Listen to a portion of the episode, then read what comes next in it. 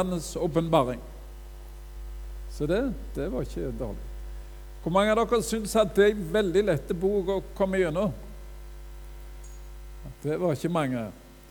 Og det er jeg enig i, at det ikke er noe veldig lett bok å komme gjennom. Men Johannes' åpenbaring er et sammendrag av alt det som Bibelen likevel sier om dette med endetida, om Jesu gjenkomst og en ny himmel og en ny jord.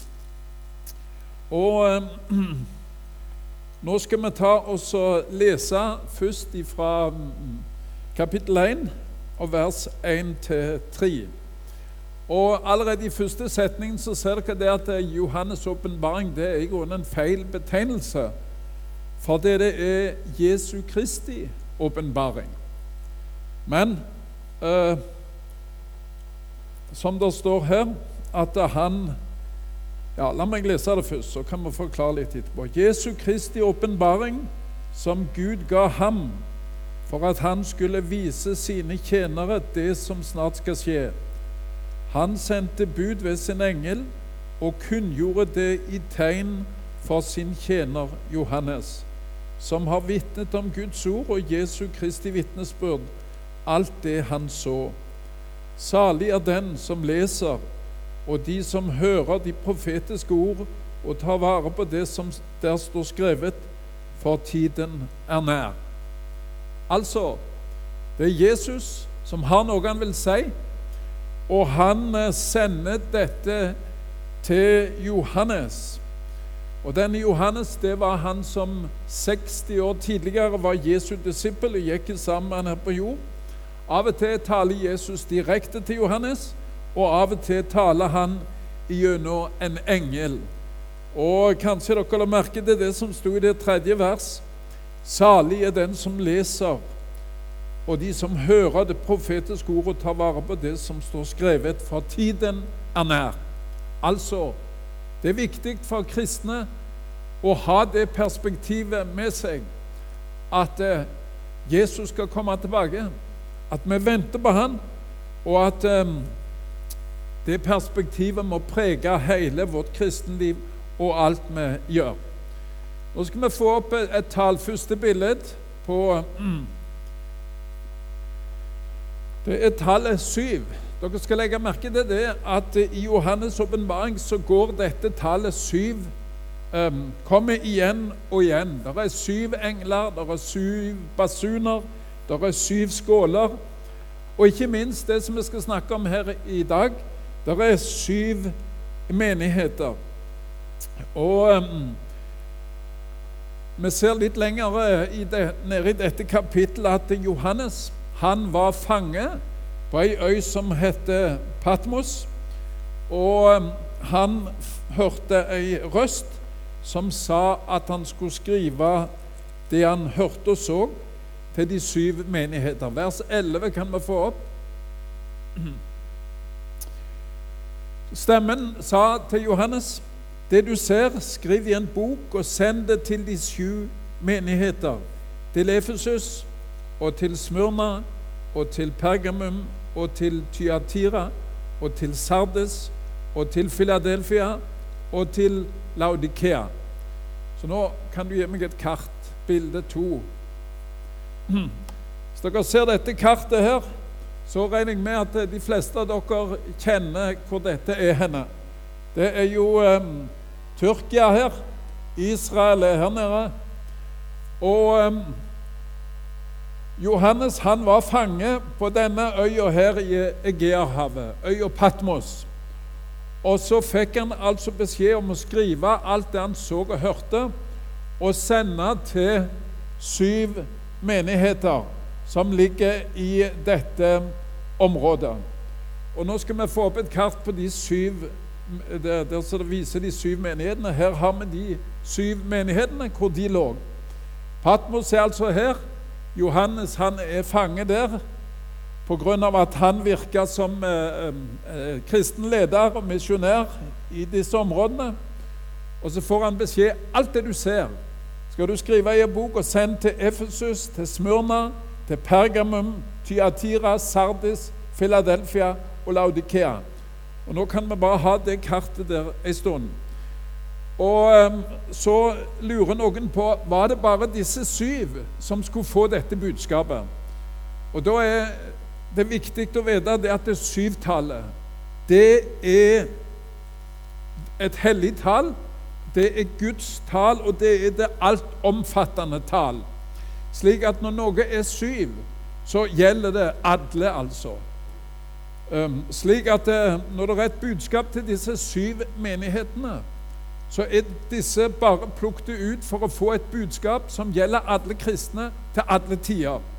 Syv menigheter skulle motta budskapet fra Jesus gjennom Johannes, men dette budskapet gjelder også for oss. For disse syv de uh, symboliserer hele den kristne menighet og den kristne forsamling til alle tider. Nå um, leste vi altså at han fikk denne beskjeden om å skrive til de syv. Så skal vi lese fra vers 12 til 16. For uh, når Johannes snudde seg Han hørte denne stemmen, fikk beskjed i hvilke menigheter han skulle skrive til. Så står det 'Jeg vendte meg om for å se røsten av Han som talte til meg'. Og da jeg vendte meg om, fikk jeg øye på sju lysestaker av gull. Og Allerede nå kan jeg si at disse lysestakene det var symboler på syv forsamlinger, syv menigheter. Og midt mellom lysestakene, midt mellom menighetene, var det en som lignet en menneskesønn. Altså, Jesus var der midt mellom sine menigheter og sine forsamlinger. Han var kledd i en fotsid kjortel ombundet med et gullbelte under brystet. Hans hode og hår var hvitt som hvit ull, som snø. Hans øyne som en ildslue. Hans føtter var lik skinnende kobber, som om de var glødet i en ovn. Og hans røst var som bruset av vannmasser. I sin høyre hånd hadde han sju stjerner, og av hans munn gikk det ut et tveegget skarpt sverd og hans ansikt var som solen når den skinner i sin kraft. Her er altså Johannes. Han gikk sammen med Jesus, og her får han møte Jesus igjen etter 60 år. Og Lenger nede kan vi lese at han ble livredd når han så Jesus på denne måten. Jesus opphøyd. Jesus sånn som han ser ut i himmelen med alle sine kvaliteter. Så ble han livredd. Men Jesus sa til ham, 'Vær ikke redd, for det, det er jo bare meg'. Og det som en del folk heller ikke får med seg når de leser Johannes' åpenbaring, det er det at det er ikke bare kapittel 2 og 3 som er til syv menigheter. Nei, hele denne bok er et budskap fra Jesus til alle menigheter til alle tider. For helt i slutten så skriver Jesus at, eh, at han har Jeg, Jesus, har sendt min engel for å vitne om dette for dere i menighetene. Så alt som står i Johannes' åpenbaring, er til alle forsamlinger til alle tider. Nå kan jeg få bilde fire opp. Jeg vet ikke om dere uh, vet hva det er for noe. Det er noe som de bruker på sykehuset, som heter en CT-maskin. Det er sånn ekstra godt røntgen. Kanskje noen av dere har vært inni det. De blir kjørt inn der, og så kan de sitte på en skjerm og kikke deg rundt om uh, inni kroppen din og undersøke om det er noe som er, ikke er som det skal være. Og um, Det er en veldig viktig redskap i dag for uh, de som uh, arbeider innen medisin. Um, kan vi få neste bilde, Jan? Bilde fem. Her er en kunstner som har prøvd å fremstille dette som vi leste beskrivelsen av Jesus, der han går mellom sine syv menigheter. Og Det er en viktig ting som står om Jesus som vi skal peke på, og det er at han har øyne som ildsluer. Altså, denne CT-maskinen er ingenting imot det som Jesus kan se. Han kan se absolutt alt. Og når det gjelder meg og deg som sitter her i dag, så kan vi bare med en gang eh, ta til oss det at Jesus han vet absolutt alt om oss. Han vet hva vi tenker, han vet hva vi føler, han vet hva vi har gjort. Alt som vi har gjort, og han vet hva vi ikke har gjort. Så um, når jeg tok med denne CT-maskinen, så var det for oss å vise det og si det at Jesus han har øyne som ildsluer, som er mye, mye mer enn CT- eller MR-maskin som de har i dag. Og når en kommer til disse kapittel 2 og 3 her, så er det liksom at Jesus sier før den siste store drama eh, slipper løs, og for å forberede sine forsamlinger og sine menigheter, så er det viktig at eh, Jesus er akkurat som en lege, og um, menigheten eller forsamlingen er som en pasient. Og Jesus kaller en og en av disse pasientene inn for gjennomlysning. Og så eh, stiller han en diagnose for hver menighet, og han beskriver behandlingen. Akkurat som om f.eks. folk i min alder Jeg så i dag de som skal ut på, på Birkebeineren. De må inn og ha en legeundersøkelse for å se om, de, eh, om, alt fungerer som det skal, før de skal legge ut på Birkebeineren når de kommer opp i satt alder, som som meg og noen andre. Og um, dette da at kristne mennesker, forsamlinger Når en leser kapittel 2 og 3 her, så skal de kunne kjenne seg igjen. Og så skal dette være som en lyskaster inn i vårt liv. Og så blir vi klar over det at det er to åndsmakter som kjemper om enhver menighet, om enhver forsamling, til og med om ethvert menneskes liv. Det er to åndsmakter. Det er Den hellige ånd. Guds ord kjemper om å få herredømme i vårt liv og i vår menighet, i vår forsamling, ikke minst i vår heim. Og så er det djevelen som prøver på det samme. Og om djevelen står det det at han er løgnens far. Og når han taler løgn, så taler han av sitt eget. Og dessverre så er det veldig mange som biter på når han taler til menneskene og lokker og drar og fremstiller sine ting på en veldig tiltrekkende måte. Nå kan vi få kapittel eh, Åpenbaringen eh, 2, 12-17. Her er det altså én menighet som eh, Jesus har stilt en diagnose på. Kan du få tilbake det ene kartet, det med det store ja. Det er denne menigheten her vi skal se på. Menigheten i Pergamum.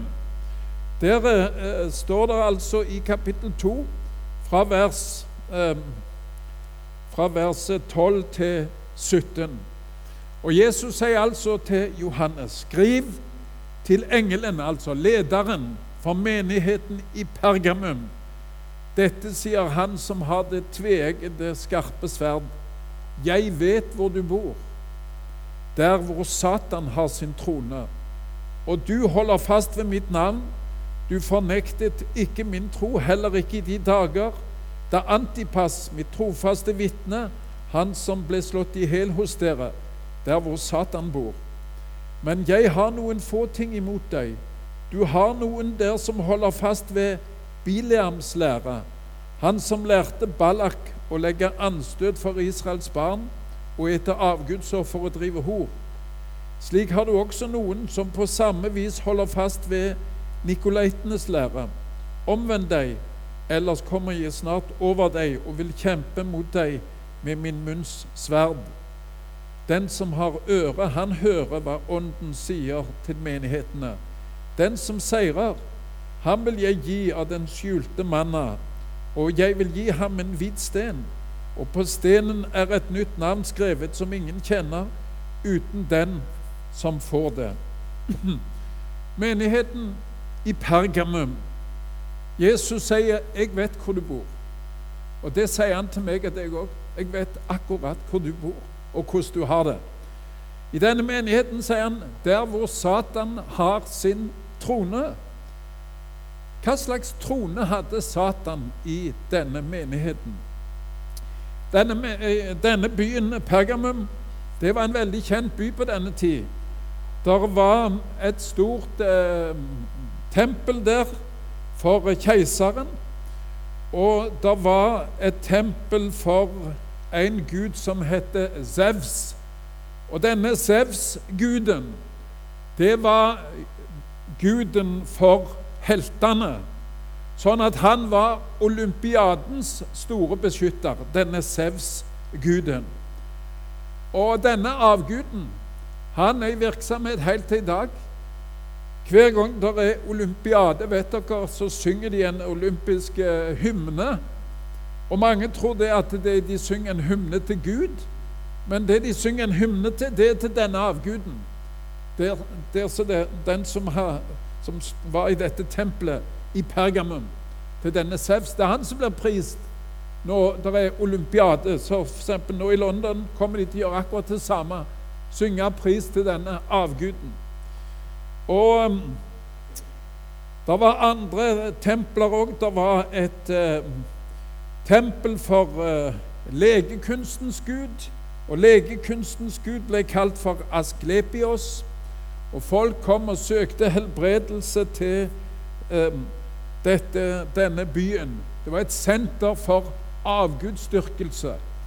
Altså, sier Eh, Jesus til Johannes der hvor Satan har sin trone. 'Jeg vet hvor du bor.' Og så sier han òg, 'Du fornektet ikke min tro.' Heller ikke i de dager da Antipas var mitt trofaste vitne. Han som ble slått i hjel hos dere der hvor Satan bor. I denne, dette miljøet så var det en menighet, men det var vanskelig for de kristne. Og lederen deres, som heter Antipas, han ble tatt og han ble putta opp i messinggryte med kokende vann og ble drept på den måten av han tilba Jesus. Slik at det var forfølgelse mot denne menigheten. Og Derfor sier Jesus jeg eh, takker dere for at eh, dere har ikke fornekte mitt navn. Men det er noen problemer i menigheten. Og det er legen som beskriver sin diagnose. Jeg har noen få ting imot deg i din forsamling. Der er det noen som eh, holder fast ved Bileams lære. Han som lærte Ballak å legge anstøt for Israels barn og ete avgudsoffer og drive hor. Hvem var denne Bileam? Det var en som det står om i Det gamle testamentet. Når israelsfolket var på vei fra Egypt til til Palestina, eller det lovede land, så kom de til et område. Og kongen i det området, han sendte bud på en hedensk profet som måtte reise i seks uker for å komme til, til han. Kongen heter Balak. Og denne Balak sendte bud etter Bileam, for han sa til han, 'Jeg har hørt det at den som du forbanner, han blir forbannet.' Så kom nå og kast forbannelse over Israels barn. Og denne Bilam han kom der. Dere har sikkert hørt han som ridde på eselet, og eselet plutselig stoppet opp. Og han prylte eselet, og eselet begynte å tale. Det var han. Men da han omsider kom til kong Balak, så prøvde han å eh, kaste forbannelse over Israels folk som bodde i en leir eh, under fjellet der. Og så fikk han det ikke til. Han fikk det ikke til. Hver gang han prøvde å eh, slynge sine forbannelser mot Israels barn, så kom det velsignelser ut av hans munn. Og så sier kong Balak, 'Kom på denne fjelltoppen, prøv herifra.' Og så prøvde han derifra, men han fikk det ikke til. Og han hadde allerede fått mye penger for dette. Slik at eh, kong Balak han ble altså sint på Bilam og sa, 'Du har tatt imot penger, og så klarer du ikke å gjøre det som vi har betalt deg for å gjøre. Og Balak, han måtte, Bileam, han måtte reise hjem uten å ha kasta forbannelse over Israels barn. Men det var én ting han gjorde. Det var én ting han sa til Balak. Det som du gjør Nå skal du ta og lure dette folket her. Du lager en stor fest, og så har dere avgudsoffer. Og så eh, La dere de moabittiske kvinnene friste de israelske menn til hor og sex og sånne ting. Og så gjorde denne kong Ballak det. Han lagde en fest. De hadde avgudsoffer og, og, og fritt sex. Og da klarte han å ødelegge for Israels barn. Da klarte han å lure Israels eh, ledere og Israels menn.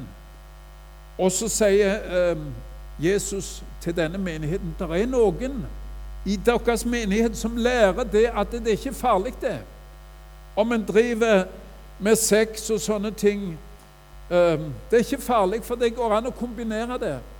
Det går an å kombinere, Du kan være kristen for det. For det om du går med prostituert eller har sex utenfor ekteskapet, det, det er fullt mulig. Så sier Jesus det er noen som holder fast på denne læra. Og du må rydde opp i dette, sier han til menighetens leder. Du må rydde opp, ellers så kommer jeg over deg. Og så må jeg ta og rydde opp. Så kommer det straff over menigheten. Det må ryddes opp. Du må ikke tillate at noen går fram på talerstolen og underviser at det er ok å leve i hor, eller å leve i avgudsdyrkelse. Du må ikke tåle det. Så dette er et, eh, et, eh, budskap til lederne i menigheten om å rydde opp. Og ikke slippe en undervisning til som villeder folk bort ifra Guds sanne ord. Og så har du noen står der her, som holder fast på Nikolaitenes lære. Og hva var Nikolaitenes lære? Det òg var kompromisser. Det var kompromisser. Kompromiss over hele linja. Det å være kristen det er ikke så nøye. Du skal ikke liksom være forskjellig fra de andre. Du kan gjøre akkurat alt det som de andre gjør, de som ikke er kristne. Og det har vi rundt oss på alle kanter òg i dag. ikke sant? Det presser på alle veier. Hvorfor skal vi være spesielle for det om vi er kristne? Hvorfor skal vi følge Guds bud? Det er jo ikke det som er vanlig.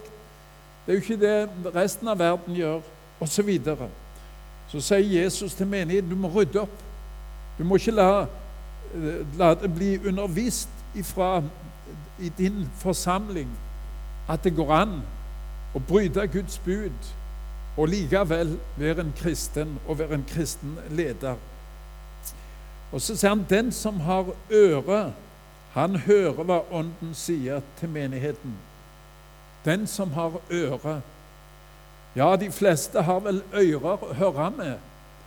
Men når dette uttrykket brukes om igjen og om igjen, så er det den som vil høre. Og den som vil ta det til seg. Og den som vil forstå at nå er det Gud som taler. Den som har øre, sånn et øre som vil høre Guds tale. Og så sto det Den som seirer, ham vil jeg gi av den skjulte manna, og jeg vil gi ham en hvit sten. Og på stenen er et nytt navn skrevet som ingen kjenner uten den som får det. Den som seirer, den som vil leve for Gud med et sant og oppriktig hjerte, han skal få manna ifra himmelen. Og jeg tror kanskje alle dere vet hva manna var for noe. Det var det de spiste i eh, ørkenen. Det var det de fikk hver dag på marka. Når de våkna om morgenen, så gikk de ut, og så var det manna. I 40 år gikk de ut hver morgen og tok manna. Og når Jesus kom, så sa han at manna det var et bilde på meg. Jeg er brødet som kom ned fra himmelen. Jeg er det levende brød, og den som spiser dette brødet, han skal leve i all evighet, sa Jesus. Og når eh, Johannes får det budskapet her om å si til menigheten den som seirer, den som vil leve i ærlighet, den som vil leve ærlig med sin Gud, han skal få manna. Han skal få Jesus og det han står for, for hele reisa, slik at han skal lykkes i å nå fram til himmelen.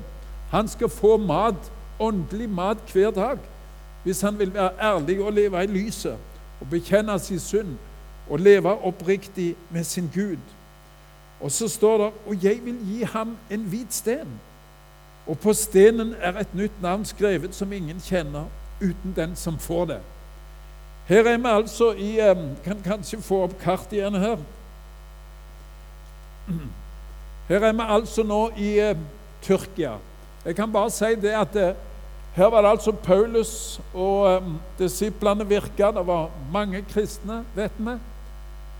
Og i disse brevene så blir de advart at hvis de ikke rydder opp, så kommer han og flytter lysestagen ifra dem. Så kommer mørket og inntar landet. Dette landet som var så, da det var så mange kristne på Paulus' i tid I dag er det det minst kristne land på jord, Tyrkia. Det er 80 millioner mennesker over det, og det er 3000-4000 kristne til sammen. Og det er veldig tøft for de som er kristne. Jeg var på en konferanse i England for et par år siden. En konferanse jeg reiser på hvert år. Men da var det ei tysk dame der som var misjonær i Tyrkia. Og Hun fortalte sammen med sine barn at mannen ble angrepet av muslimer. Han jobbet med å spre bibler og de tok livet av både han og hans medarbeidere der. Så det, i dag er det tøft å være kristen i, i Tyrkia. Det er knallhard islam. Men tilbake til dette med denne steinen. Her eh, var det altså På den sida ligger Hellas, og det hadde vært gresk det hadde vært et gresk herredømme her tidligere, så de hadde beholdt gresk rettspraksis og Den greske rettspraksis var sånn at hvis en kom i retten, anklaga i retten, så var det en jury som skulle eh, eh, vedta om han er skyldig eller ikke skyldig. Og hvis han var skyldig, så kom de og ga han en svart stein. Men hvis han var uskyldig, eller hvis han ble frikjent, så ga de han en hvit stein. Og det er antageligvis dette eh, Jesus refererer til her gjennom Johannes. Jeg vil gi ham en hvit stein. Den som holder fast på Jesus, han skal få en hvit stein. Han skal bli dømt uskyldig. Han skal bli fri. Han skal bli tilgitt. Han skal ikke bli dømt sånn som de som ikke vil høre Jesus til. Så dette var altså menigheten i Pergamum. Det er noe der som må ryddes opp i. Og så er det en oppmuntring til de som vil være ærlige, de som vil holde fast på Guds ord, og de som vil rydde opp både i sitt liv og i menighetens liv. De skal få manna for reisen. Jesus skal være mat for sjela helt fram. Og så skal de få så skal de få uh, denne hvite steinen. De skal bli frikjent, de skal bli tilgitt, og de skal få fri adgang inn i himlenes rike. La oss nå gå et lite skritt tilbake og se på en annen menighet. Menigheten i Smørna. I dag så er dette jeg tror, tredje eller fjerde største byen i uh, Tyrkia. Den heter Izmir. Og der ennå i dag er det en flokk med, med, kristne, en liten flokk med kristne. For noen år siden så var det en student derfra på Misjonshøgskolen i Stavanger. Han var hjemme hos oss og feirte jul osv., så, videre, så vi fikk litt kjennskap til denne menigheten i Smyrna. Og her eh, Jeg tror jeg har den teksten der, vers 8 til, til 11. Vi kan få opp den. Skriv til engelen for menigheten i Smyrna. Dette sier den første og den siste, han som var død og er blitt levende. Jeg vet om din trengsel og din fattigdom men du er rik. Og spotten fra dem som sier det er jøder, men ikke er det, men er Satans synagoge. Frykt ikke for det du skal lide se. Djevelen skal kaste noen av dere i fengsel for at dere skal bli satt på prøve, og dere skal ha trengsel i ti dager. Vær tro inntil døden, så vil jeg gi deg livets krone. Den som har øre, han hører hva Ånden sier til menigheten. Den som seirer, skal slett ikke rammes av den annen død. Vet ikke om du ser forskjellen. Pergamum, det var ting de måtte rydde opp i. Smørna, der er ingen pekefinger. Det er en menighet under forfølgelse.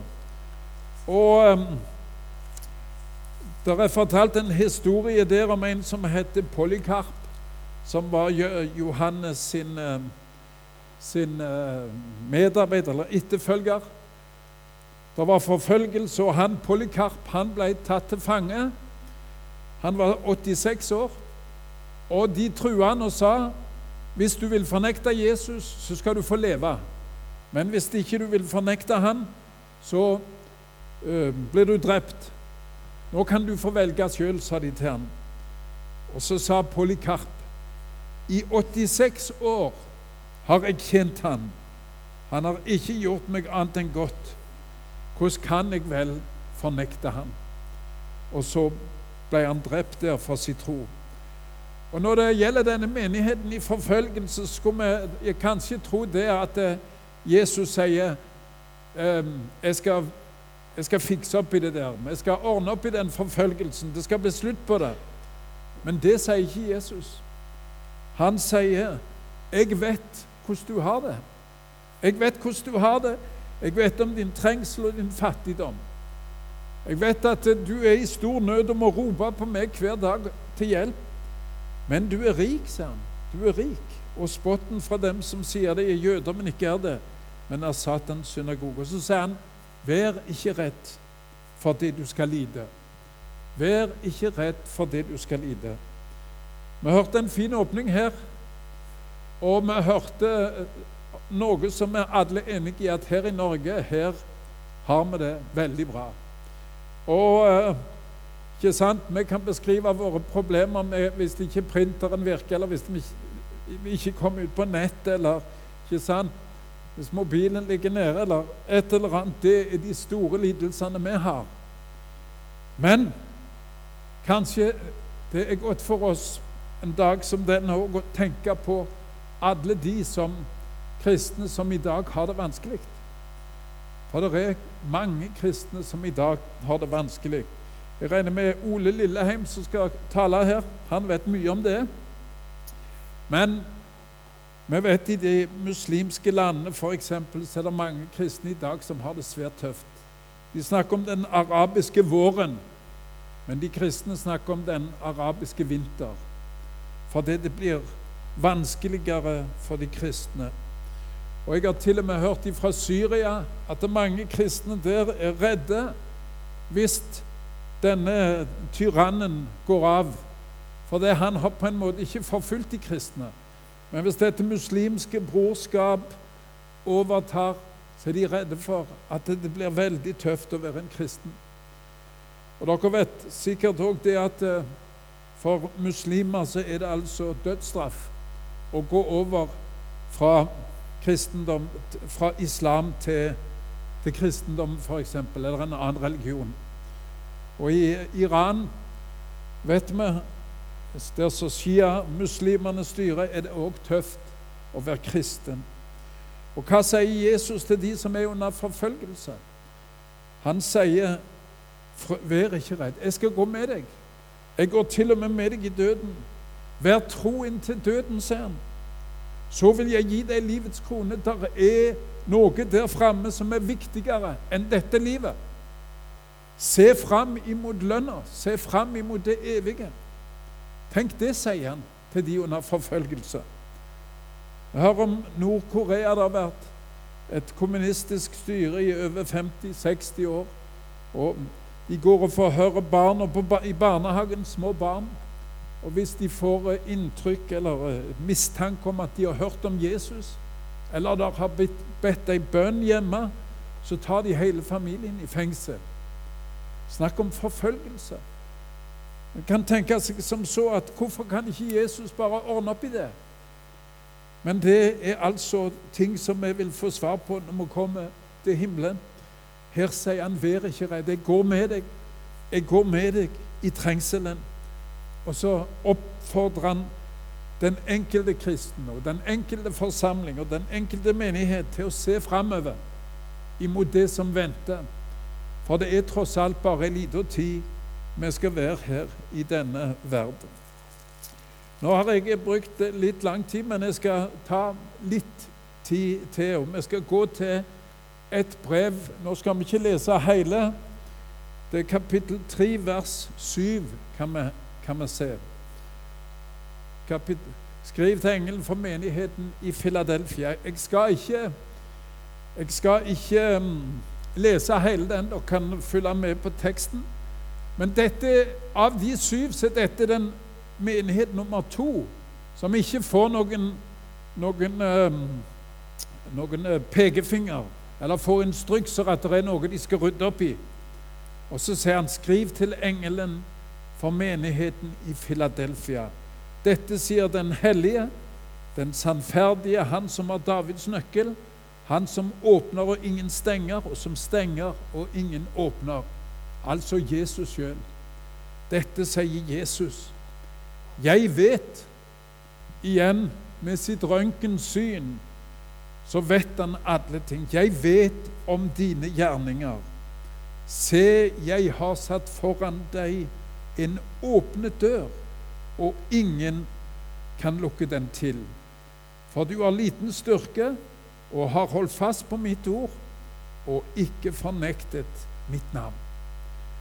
Og det blir kanskje det siste verset jeg leser. For det verset vil jeg gjerne gi til dere. At Jesus sier, 'Se, jeg vet alt om deg', men jeg har satt foran deg ei åpen dør. Både som forsamling, som SU. Det er ei åpen dør.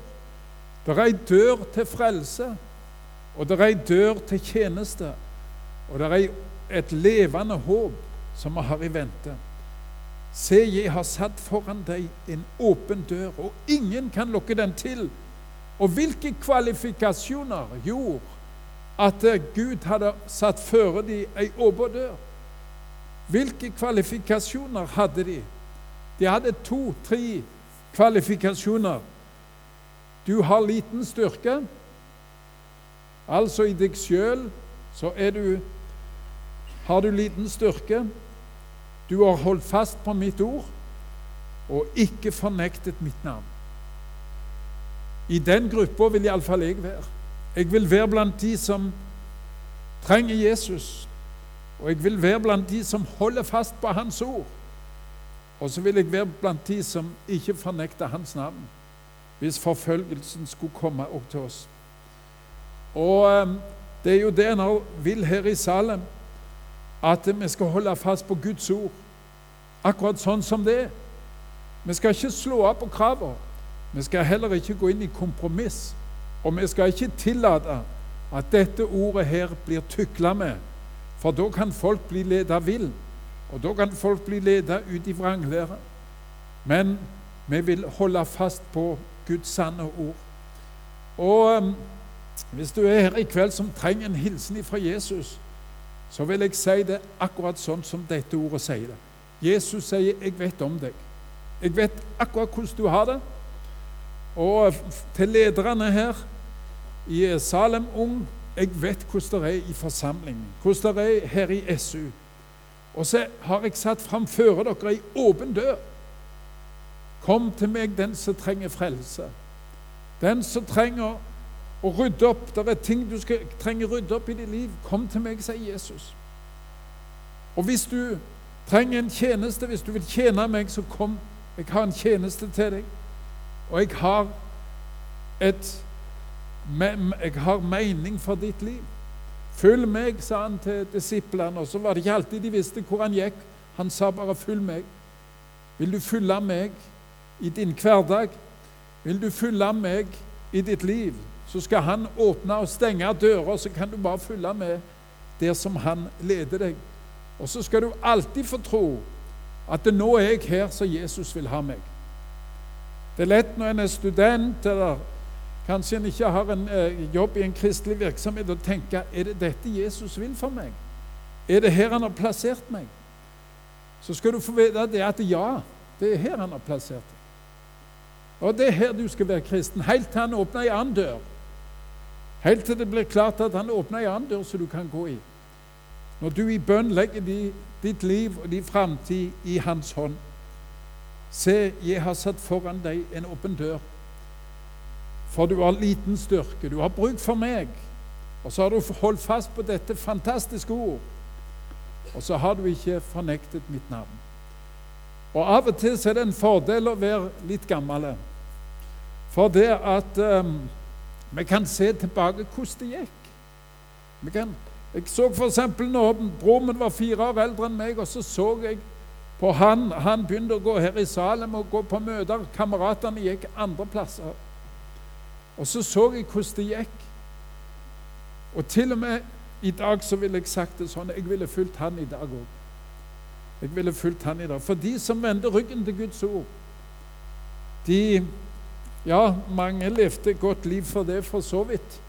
Men de har ikke det håpet over livet sitt som Guds ord og Jesus kan gi. For det er det bare Han som kan gi. Så lykke til med arbeid, og lykke til i den enkeltes liv som kristen. Jesus vet alt om deg, og han er den gode hyrde. Og han kom ikke med pekefingeren, for alt han sier til menigheten og til den enkelte, det gjør han i kjærlighet. Han vil berge oss for sitt rike, og han vil lede oss gjennom livet. Og så vil han da at vi skal tenke og se framover at han har noe fantastisk i vente.